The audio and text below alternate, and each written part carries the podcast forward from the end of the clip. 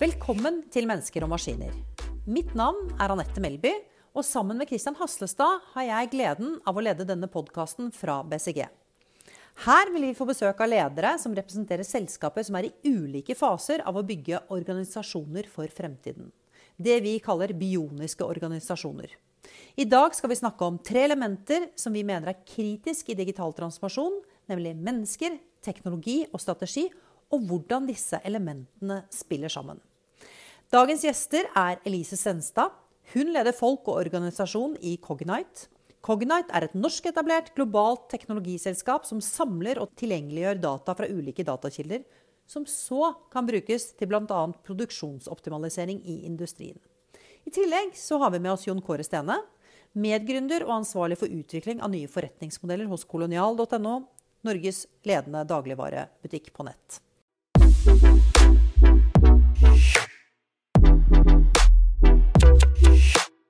Elise og Jon Kåre. Kan ikke dere starte med å fortelle hva teknologi har drevet for selskaper som deres? Hva har teknologi betydd for de virksomhetene dere sitter i, som må sies å være relativt unge? Elise, kan ikke du starte? Jo, gjerne. Tusen takk. Hyggelig å bli invitert, Anette. Um, det fins absolutt noen store fordeler med selskaper født etter 2015.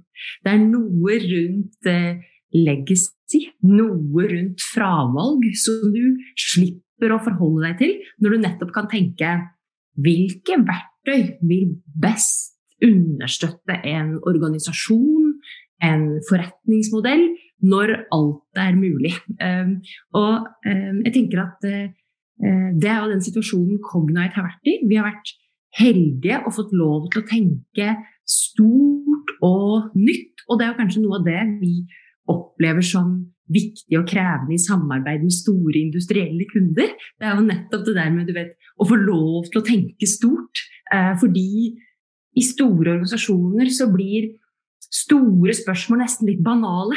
Altså, det er nesten, når man, jeg, som du sier, Annette, jeg sitter på, liksom, på, begge sider av bordet for liksom, store industrielle selskap med over 100 års erfaring versus da Cognite med liksom, ingen erfaring.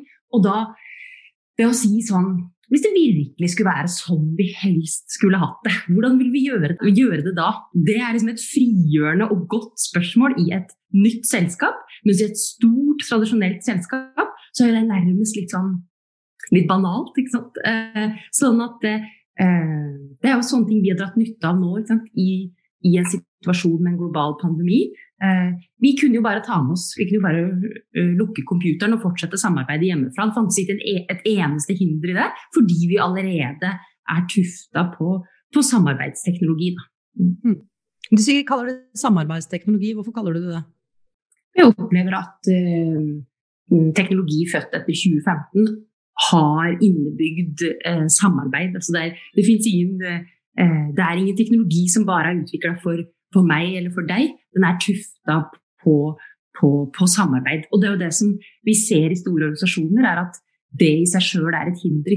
Silo er jo noe av det som Cognite fokuserer mest på. Hvordan, hvordan bryter vi ned siloer og klarer å hente informasjon fra ulike kilder. Sånn som du og jeg er vant til med telefonen. Altså vi, vi, forventer jo at all dataen sømløst dukker opp i samme, eh, samme eh, grensesnittet. Um, når du åpner opp Facebook, så tenker du ikke sånn Jeg lurer på om jeg må lete etter liksom, kontaktinformasjon i én fil, og bilder i en annen fil, og, og, og, og chatten i en tredje. Men sånn, sånn, er det jo for kundene våre. Liksom. Med storindustri så er det jo fortsatt litt sånn penn og papir. Liksom. Du henter informasjon i ulike kilder, og da, da, da, er samarbeid og kommunikasjon og det å jobbe distribuert eh, nesten, nesten urealistisk.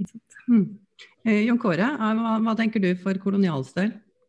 Det er litt innom det Elise sier, at det er, det er litt sånn dårlig gjort at vi eh, Du får noen litt sånn urettferdige fordeler da, sett, sett mm. opp mot de legacy-bedrifter. Fordi det har skjedd utrolig mye på teknologisiden som gjør at du kan starte på, på mye, mye, lettere rigg. Du slipper å, å, å drasse med deg mye, mye bagasjen. Men jeg tror liksom for kolonial sin del så så var jo teknologi noe av fundamentet. Så vi så jo at Eh, ta gründerteamet på ti kolonial, så var det ingen liksom, Den dagligvareerfaringen vi hadde når vi startet, det var han ene hadde hatt eh, deltidsjobb i frukt- og grøntdisken på Kiwi. Det var på en måte den samlede dagligvareerfaringen vi hadde når vi startet, eh, utover, å, utover å, å være dagligvarekunder selv. Og, og, for oss så var det jo teknologi som var kanskje den viktigste enableren for å kunne sette i gang et sånn type prosjekt. Mm. Uh, for vi så at teknologi var med å dra ned barrierene for å, å komme i gang. Mm. Uh, samtidig så så vi at teknologi var helt avgjørende i forhold til å levere den kundereisen, den kundeopplevelsen vi mener forbrukeren uh, er verdt, og som vi ønsker å skape. Og så tror jeg Et annet aspekt for oss er jo hele logistikk og verdikjeden vi på en måte har um, hevet oss ut på, er jo ekstremsport. Det er, det er retailens Formel 1. Eh, stiller ekstreme krav til både kvalitet, presisjon og effektivitet. Eh, så for oss har teknologi vært en helt avgjørende um, muliggjører for å få til de tingene vi har fått til. Uh, men det er sånn andre refleksjoner som snakker litt om å komme fra, komme fra det etablerte. Jeg jobbet jo åtte år i Skipsted. og det var en del erfaringer i hvert fall jeg dro med meg fra den tiden. Det, det, ene var at vi så at de selskapene som plutselig begynte å utfordre Skipsted og, og være de reelle konkurrentene til Skipsted, en sånn fellesnevner med alle disse selskapene var at én, eh, de hadde ikke eksistert særlig mer enn fem, fem, år. Men det andre var at de hadde lagd all sentral software og programvare selv. Mm. Eh, sånn der vi satt i aviser og sleit og reiv oss i håret med publiseringssystemer som skulle prøve å snakke sammen med papir og nett og sånne ting. Og så at Alle disse selskapene hadde bygd kjernesystemene sine selv. Eh, og du så hvilke muligheter det ga for fart for å levere de produktene, og, og det ga, ga, veldig store fortrinn. Så, så, jeg tror sånn, Vårt aspekt til teknologi har vært at det er en, en av de viktige søylene Eh, i Kolonial sitt DNA. Og vi har jo sett Vi har hatt konkurrenter, vi som har prøvd seg eh, på å gjøre det samme vi har gjort, men hvor vi har sett at de har hatt en organisasjonssetup eh, som ikke har hatt med seg de kapabilitetene vi mener er helt avgjørende for å lykkes. Eh, og, og, da ikke bare en digital verden. Jeg tror dette handler egentlig om, om å lykkes med å, å drive virksomheter i, i, alle mulige bransjer i, i årene som kommer. For det, mulighetene som ligger i teknologi er såpass store og vil gi deg så enorme konkurransefortrinn både i hva du kan levere av verdi til kundene, men også i forhold til effektivitet og, og, og fart um, og skalerbarhet. Du nevnte de hadde ikke de kapabilitetene de trengte. Hva spesielt henviser du til da? Ta på logistikksiden, for at evnen til å bygge logistikksystemer selv, så mm. blir du avhengig av å kjøpe logistikksystemer som er dyre, som tar lang tid å implementere. Eh, når du kommer i gang og begynner å lære, så eh, ser du at oi, det var ikke dette vi trengte, det var dette vi trengte. Og så har du da et millioner kroners endringsprosjekt som tar tre måneder før du i det hele tatt har fått en ny feature på plass. Og bare for å si det, jeg glemte å si det i stad, En annen ting som jeg tror var helt avgjørende for oss når vi startet Kolonial, og som egentlig endret litt om mindsetet vårt i fasen før vi etablerte selskapet, det var jo eh, Eric Rees sin bok The Lean Startup. Eh, for da plutselig skjønte du at okay, det er sånn man skal gå fram for å, å bygge det kundene virkelig vil ha. Eh, bare den erkjennelsen, og det så jeg også fra mye skipsstedprosjekter, at det er først når du lanserer at du virkelig er i en, en sfære hvor du kan lære å gjøre de rette valgene. Alt før det er jo bare ren gjetting. Vel kanskje at eh, Jeg har jo også erfaring fra Skipsted, men, eh, men det paradoksale i mange legacy-selskaper er jo at etter at produktet er lansert, da flyttes ressursene over på andre ting. Yes, og det, det, og det, hører jeg jo historier om, om fortsatt. Men, men, det bare endret liksom hele mindsetet i forhold til hvordan vi skulle bygge dette selskapet. Og da må du ha de digitale håndverkerne om bord. Um, og ja, rett og slett for å kunne klare å justere og, og, og tweake hele tiden når du er i en live setting. Og, det er liksom, In hindsight så er det jo vår evne til å gjøre det, er jo det som, som, har klart at vi har klart å utvikle oss og endre oss hele tiden. Og så er det bare en morsom, morsom bieffekt av det. Da, for at det, det, at du faktisk har et inhouse tech-team som kan gjøre endringer on the fly, det gjør noe med mindsettet til hele organisasjonen. Altså, Vi har kjøreledere hos oss som sitter og, og, og spør om datauttrekk i databaser for å få tilgang til data hvor de kan gjøre ganske avanserte analyser. Vi har plukkere som uh, måte, løfter opp hånda og sier vi burde ha det sånn og ikke sånn, og samarbeider med utviklere. Så jeg tror Bieffekten av dette er også en, en fantastisk innovasjonskraft. hvor hvor der man andre steder tenker nei, dette er IT, dette kan vi ikke gjøre noe med, så, så ser vi jo klart at utvikling utvikler en kultur hvor folk tenker at ja, men dette kan vi gjøre bedre, og, og vi har kanalen og muligheten til å, å fange det opp. Som et, igjen en sånn positiv effekt av uh, våre teknologiske ferdigheter i selskapet. Hva med, hva med, maskinlæring og AI, hvor, hva, hvor, viktig er det i deres bedrifter? Det er vel åpenbart i Cognite, men uh, i Kolonial?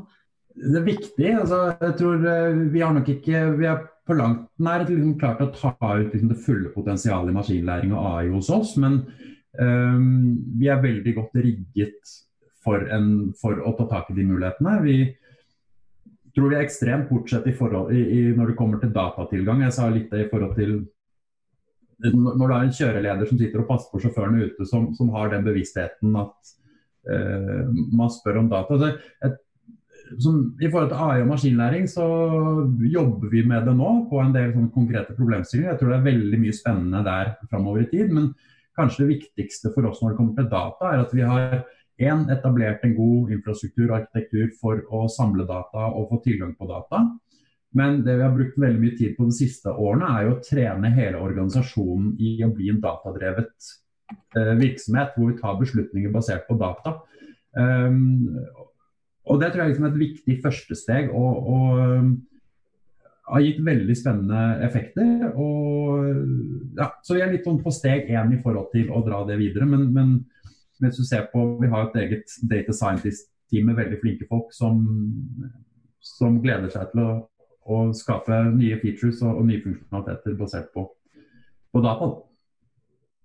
Veld, veldig spennende å høre også fra min side her, og Kristian her fra, fra BCG er eh, Jon Kåre og, og, og, Lise, det dere beskriver, er jo en lettbeinthet, en agilitet, en måte å gripe teknologi enhver dag og virkelig kunne sånn, drive det som en hel organisasjon. Og noe av det linker tilbake til mine erfaringer med store, store bedrifter og mer legacy-bedrifter, som dere beskrev det her, som går ut på den tilsvarende reise. Så er noe av den utfordringen som vi ofte ser, er jo hvordan du kan tenke ende til ende. Eller front to back, for å bruke et engelsk begrep der. Men det jo virkelig hvordan du kan tenke, hvordan legger vi til rette for en, en kundeopplevelse som er heldigital i front, men som da integrerer seg mot kjernesystemer og nedstrøms helt ut mot logistikken, som du beskriver òg, Jon Kåre. For å da kunne ha en sømløs overføring av den dataen og kunne legge til rette for den digitale opplevelsen og som driver en effektivitet. Og det er noe vi ofte ser er ikke lett. For du, du går mer silovis, og du brukte begrepet å silo veldig tydelig, eh, Elise, som dere bryter ned på Cognite. Og Det er klart er jo en utfordring i etablerte organisasjoner. Hvordan er det å kunne tenke digitalisering på tvers av siloer? Og Det er da du virkelig oppnår den ende-til-ende-effekten og eh, som de virkelig store verdiene.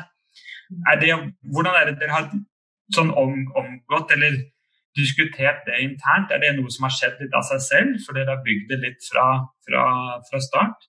Eller er det jo vært en veldig bevissthet dere har hatt når dere har nå implementert teknologi og, og drevet det ene i, i organisasjonene deres? Jeg synes Det er et, et, et kjempeviktig poeng. da, at, Jeg tar litt lett på Kristian, at det er jo lett hvis man sitter og hører på det her, og så tenker man at jeg sitter og har ansvar for et selskap med mange tusen ansatte. ikke sant, at det, Dette har ikke noe med oss å gjøre. Men det tenker jeg liksom er et av mine hovedbudskap er nettopp det at det, det, er noe å lære av den lettbeintheten. Fordi at når man sier, bruker store ord som digital transformasjon, da, og som du sier ende til ende, så kan man jo nesten liksom gi opp litt før man har starta. Hvordan kommer man seg videre? Og da er eh, det vi gjør, da, det er å starte smått. Så bestemme deg for det er ett forbedringspotensial du ser. Det er én verdikjede, eller det er én type utstyr da, som vi som jobber med industrien. Det er ett type utstyr, er én type pumpe. Det er én type utstyr som vi ser her finnes det et stort potensial. La oss teste det potensialet og se hva data kan gjøre for å gjøre denne arbeidsprosessen helt annerledes. Dvs. Si ikke prate om digital transformasjon som liksom noe som skal, som skal gjelde, gjelde, det hele. For, fordi at måter du kan få med deg organisasjoner på, er jo, vi prater om mennesker og maskin, da.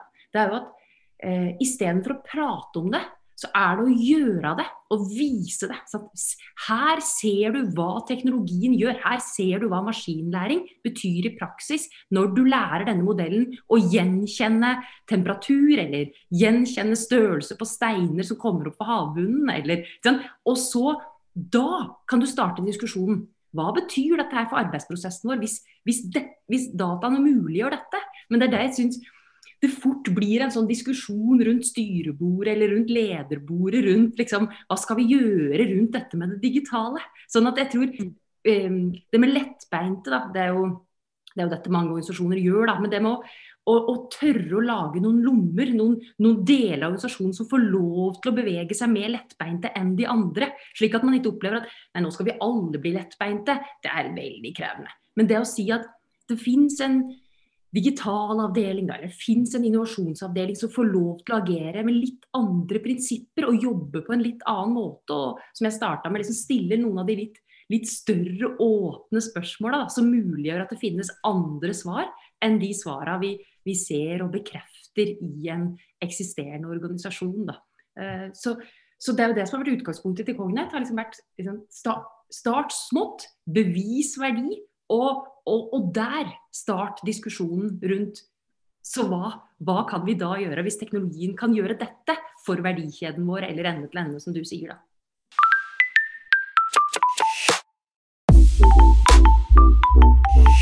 Vi, vi, begynte å snakke om teknologi, og nå går vi gradvis litt mer over i menneskedimensjonen.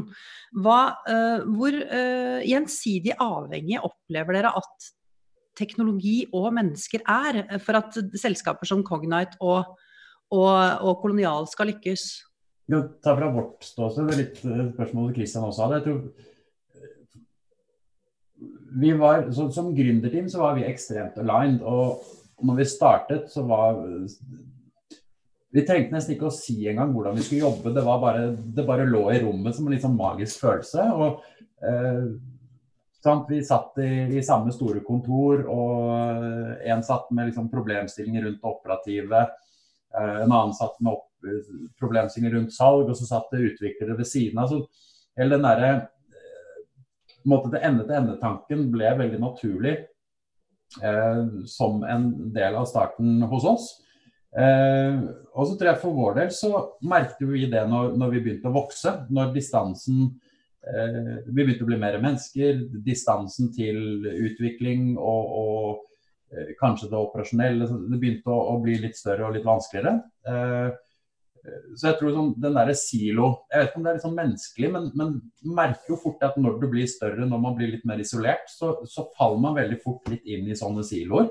Helt naturlig. Så vi har jobbet veldig vi har jobbet veldig bevisst med å få på plass arbeidssett, metodeverk for å bryte disse siloene. Eh, og, og En av våre verdier i selskapet er jo team of teams. Eh, men det handler rett og slett om hvordan klarer du å institusjonalisere et kryssfunksjonelt samarbeid. og eh, det som har vært interessant når nye mennesker har kommet inn og analysert litt reisen vår før vi ble veldig bevisst på dette, så sa de at ja, men noe av grunnen til at dere har klart å, å, komme såpass langt, er jo fordi at dere har hatt en kryssfunksjonell måte å jobbe på litt sånn ubevisst. Og så har det bare vært litt naturlig basert på, på ønsket om hvordan vi ønsket å jobbe. og At man skal jobbe hypotesebasert og med litt starter på agilt og endre hele tiden. Så, så krever jo det en viss form for kryssfunksjonell jobbing.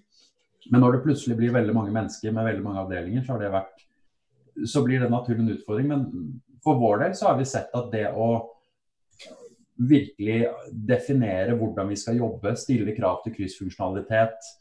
Uh, vi ser jo det på hvordan vi er organisert i dag som litt sånn matrisebasert, men hvor vi ser at produkt- og tech-avdelingen vår speiler, speiler uh, kjernevirksomheten vår, slik at uh, innkjøp kommersiell, marketing, operations og distribusjon har alle sine motparter i produkt- og tech-avdelingen som gjør at når vi jobber, så jobber vi veldig kryssfunksjonelt. Så, så jeg tror en, det, handler, det, det, der handler jo om mennesker, det handler mye om, om, organisasjonsstruktur. Men det handler også veldig mye om ansvar, myndiggjøring og beslutningsmandat. Det tror jeg kanskje noe av det mest frustrerende jeg opplevde ved å, å jobbe andre steder tidligere, er at utrolig lange, trege beslutningsprosesser som gjør at man mister litt sånn der piffen og, og luven av å, å, sette i gang og opprettholde fart. Um, og så mister man også litt sånn eierskap og ansvarsfølelse. Det tror jeg også noe har vært sentralt hos oss. og Det er litt sånn, sånn eh, tech-startup, eh, eh, når man leser om andre eksempler som gjør dette. Men det er bygge kryssfunksjonelle team som har et ende-til-ende-ansvar for sitt område. Det vil si, som, snakket, som du nevnte, Anette, at du er ikke ferdig når du har lansert. Det er da du har begynt. men klare å Det er jo det som er utfordrende når du vokser og vokser og blir større og større. For da må du få flere og flere sånne team. og eh, klare å holde de teamene i samme størrelse, men med det samme mandatet, med de samme ferdighetene.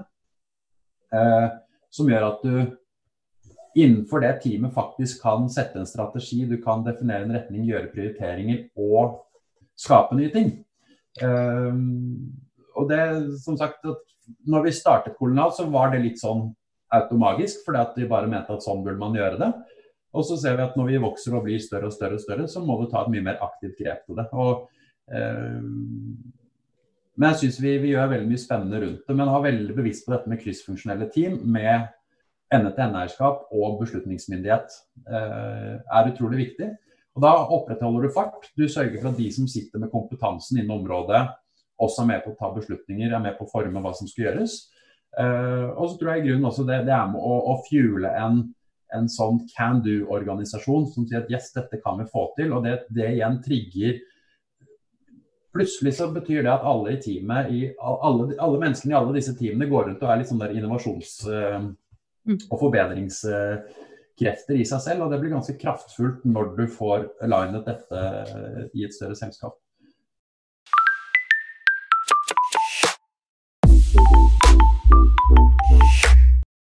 Dere, dere, er jo ledere, altså dere er jo begge ledere i organisasjoner som, som jobber eh, smidig, kryssfunksjonelt og agilt. Eh, er det, eh, ville, ville, ville, kunne man sett for seg at Cognite og, og Kolonial hadde vært der de er i dag, hvis man hadde jobbet på en helt annen måte? Altså tradisjonell eh, metode? Vi hadde vi hadde aldri hatt Hadde jobbet med vannfasemetodikk i siloer liksom tradisjonelt som, som, man har jobbet andre steder, så hadde vi altså, vi, snakket jo litt innledningsvis om den veksten Kolonial har lagt bak seg nå i 2020. Altså, eh, klart Etterspørselen etter matvarer hjemme på døra har vært, har vært, der, så det er jo ikke der magien har ligget. For, for, vår del så har det vært vår evne til å doble vår kapasitet eh, på tre uker og raskt komme tilbake dit og levere den samme type kvaliteten og opprettholde løftet vårt til kundene våre. Altså Det underliggende som ligger der. Eh, selvfølgelig har kjempemye med mennesker å gjøre, med kultur og, og, og liksom vilje og ønske til å virkelig gi på. Men klart at når du har digitale superkrefter som kan tweake og tune as you go hele veien, så så det er helt klart, jeg, jeg, tror ikke vi hadde vært i nærheten av å, å komme oss gjennom de ekstreme vekst, vekstfasene vi har vært gjennom. Og så tror jeg heller ikke vi ville vært i stand til å levere det produktet ut mot kundene våre om, om vi hadde jobbet på, på noe annet vis. Da. Jeg kjenner meg godt igjen i hva du sier, Jon Kåre. Jeg tror også vi Da tror jeg vi ville vært liksom et annet selskap, Anette. Jeg tror basert på en sånn veldig uh, stor ambisjon om at det her med liksom å frigjøre data slik at mennesker kan bruke kreativiteten sin annerledes. Det er jo en, en, en, en, stor ambisjon, og da verdier hvor, liksom, hvor speed i seg sjøl er en verdi. Altså, det, det, å fort komme til verdi, det, det, det legger også noen krav på, på, måter å jobbe på. Så vi, vi, vi, vi, snakker ofte om at modulær teknologi krever modulær øh, organisasjon. Mm. Altså at du, og agil, altså en agil eh, teknologi krever agil eh, mm. ja. organisasjon. Og, og, det er vel kanskje det du sier, at, at, du kan ikke ha det ene uten å, dra, å ha det andre. Hvis du skal virkelig dra nytte av det. Nei, slik opplever jeg det. Mm. Får jo ekstremt mye energi av å høre på begrepene digitale superkrefter i mm. autonome teams, ende til ende, bryte ned siloer, frigjøre data. Og det er jo en, en, en, målbilde som jeg tror virkelig kan motivere alle. Så kan du jo se for Det vi ofte ser, eh, utfordring til å kunne ha helautonome teams med en overgang fra en, en silovis organisasjon, er jo det enkelte å spørre seg selv om hvordan klarer vi å kunne sette en felles retning og en målstyring som gir gir tydelig nok retning hvor vi ønsker å gå, samtidig som det gir den myndigheten og det ansvaret og friheten til innenfor de rammene bevege seg lettbeint og agilt og autonomt i tverrfunksjonelle teams. Hvordan er det dere har jobbet med å skape den, den balansen og overgangen der fra selskapets retning, hvor dere ønsker å gå, mål dere ønsker å realisere, og ned da til hvordan det setter tilstrekkelige rammer, men opprettholde den autonomien som dere nå beskriver.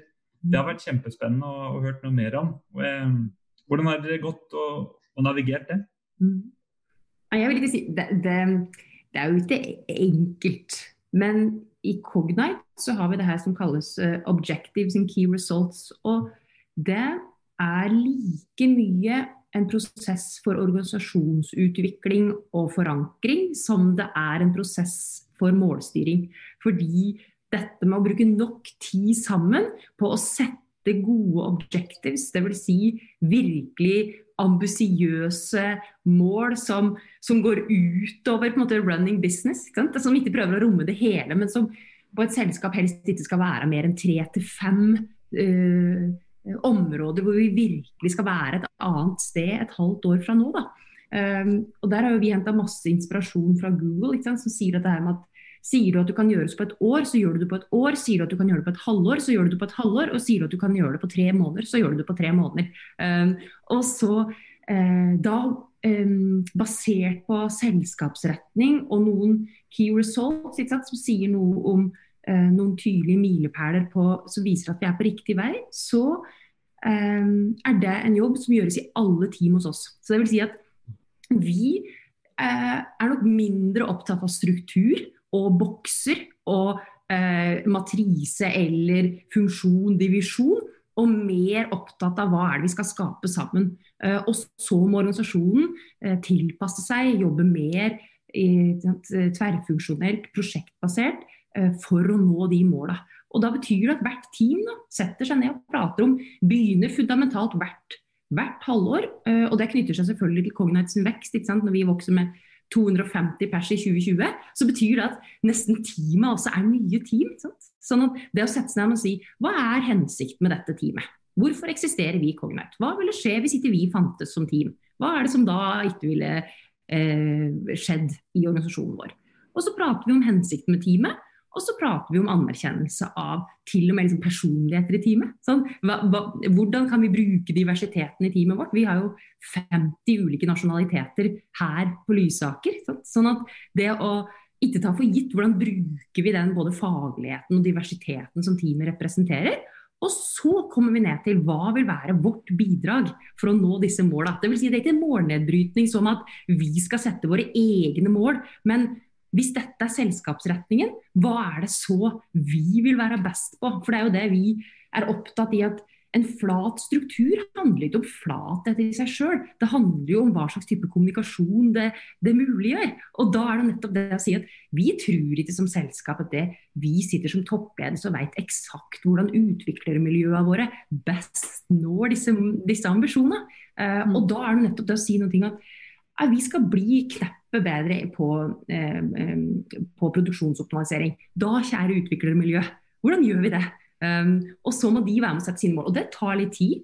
Uh, I et selskap som ellers beveger seg fort, så vil jeg si at det at vi bruker en måned på det um, på starten av året, er egentlig lang tid i vår, i vår verden. Men igjen, det muliggjør da at man kan bevege seg friere og med større eierskap til, til egne ambisjoner. Da. For det er det, akkurat som ble nevnt uh, av Jon Kåre. Det er jo så utrolig viktig at man opplever at det, man har det eierskapet. At man kan påvirke, at man skjønner sitt bidrag til ambisjonen. Da er det liksom helt utrolig hva, hva, hva talentfulle folk gjør. Det er jo helt, helt, utrolig å se på. Mens da er det motsatsen. Hvis det føles som eh, trøya er for trang eller det er feil trøye. Det er jo ingenting som er mer demotiverende for folk som, som eh, Ja, hos oss er det jo nærmest sånn at jeg tror folk eh, flytter jo fra hele verden for å få lov til å være med og, og, og, og gjøre det vi gjør. Og da er, nesten, da er det ikke sånn snakk om sånn skal jeg jobbe et annet sted, da er det jo mer sånn skal jeg starte noe for meg sjøl? Eller skal jeg være med på dette? Dette eventyret. Mm. Og, da, og det setter noen krav til oss som arbeidsgiver. Mm. Det er veldig kraftfullt det du beskriver der. hvor de virkelig tar det inn til forankring i det vi skal stå for, hensikten vår, formålet hvor vi ønsker å gå, objectives, og så bryte ned til fokusert sett med key results, da, som du sier, som du kan virkelig da skape et, en, en, felles ansvar, men òg eh, eierskap til å gå mot. Men det jeg også hører du beskrive der, Elise, og hadde vært interessant å høre kort, det er jo den kampen om talenter. Jeg tror det er kjempeviktig. Men det her med talent det kan vi prate mye om, da. Men, men eh, vi opplever ikke at det er war for talent. Og, og med det så mener jeg at igjen tilbake til her med liksom å stille litt sånne store, banale spørsmål. Vi begynte jo i Cognite å si sånn Hvis vi skal tiltrekke oss beste, hvor finnes de hen? Og, og, og tilbake liksom sånn Hvor fort da man ender opp med å si sånn Du, eh, hvor skal vi være hen på det norske universitetet i mars? Sånn? Det, mens når du har muligheten til å si hvor skal vi reise hen da? Så jeg husker i 2018, oktober 2018. Det er klart, hvor var vi da? Da var vi på MIT. Da sto vi i forelesningssal ved siden av Facebook og Google. Der sto det Cognite på døra. Kom inn på bedriftspresentasjon hos Cognite. Eh, litt galskap, absolutt, men vi trengte jo ikke så mye mer enn de 20 personene på MIT som syntes at eh, det å være data scientist til Cognite hørtes jo interessant ut. Eh, eventyr i, i nord. Og vi trengte ikke så mange flere heller. Sant? Og det er jo den måten vi har tenkt talent på, er jo at talent sitter overalt i verden. Eh, og vi har gode talenter i Norge. Eh, samtidig så når man ser til USA og Canada, de har en helt annen måte å bygge sin bachelor- og mastergrad i forhold til å ha masse praksis. Eh, slik at det der med å ha inn en, en, en intern ja, vi har, helt, vi har, vært så heldige med, med interns fra ja, særlig Canada, som, går jo inn som, som eh, si fast ansatte, nærmest. Altså, ikke at de er fast, men altså, de, gjør, de, gjør, definitivt sin jobb, da, om ikke mer. I, i å, å, ville være med og bidra. Og, og, det er vel nettopp det det handler om. Da. Det er jo å finne talent tidlig nok. Eh, eh, la dem få erfare måten vi jobber på, slik at eh, de har litt av eierskapet nesten før de begynner. Og så er det jo litt sånn at eh, de aller beste folka tiltrekker seg jo de andre beste folka. For er det én ting du har lyst til å jobbe med når du er best på feltet ditt, er jo noen som er enda bedre enn deg sjøl. Og det slår penger nesten hver gang. Um, så, så um, uh, det tenker jeg liksom er noe av det det handler om. Da. Det er jo nettopp som du sier, å lage en kultur der folk har lyst til å jobbe med, en ambisjon som folk har lyst til å bidra til, og et miljø der du tenker at her vil jeg aldri stoppe å lære hvis jeg jobber sammen med dette teamet. Um, så ja, jeg vet ikke noe helt svart på spørsmålet ditt. Men, ja. Veldig spennende. Eh, Jon Kåre, hva tenker du eh, rundt de samme problemstillingene? Det Lise sa. eller, eller, eller mer, mer, liksom eh, Hvor viktig har det vært, eh, vært med, med eh, å, å, bygge den agile organisasjonen? Hvor viktig, hvor viktig, er den agile organisasjonen for å tiltrekke talenter? Liksom refleksjoner rundt det? Jeg tror det, det, er, det er skremmende å høre Elise. for eh, Både når det kommer til refleksjoner rundt talent og, og hva som er viktig, og hva som driver de. Altså, jeg tror det er, akkurat samme erfaring vi har sett. Altså, det handler om å tørre å, tørre å tenke stort, tørre å ha purpose. Eh, jobbe med en arbeidsmetodikk hvor, hvor, eh, hvor, man får lov til å være med. Jeg tror Vi er litt sånn samme fase. Det er klart Nå har vi vært hjemmekontor og, og eh, plutselig så kommer jeg på jobb og så ser jeg oi shit, nå har vi doblet denne avdelingen. og så er det Litt samme som Conrad, det er veldig mye nye mennesker.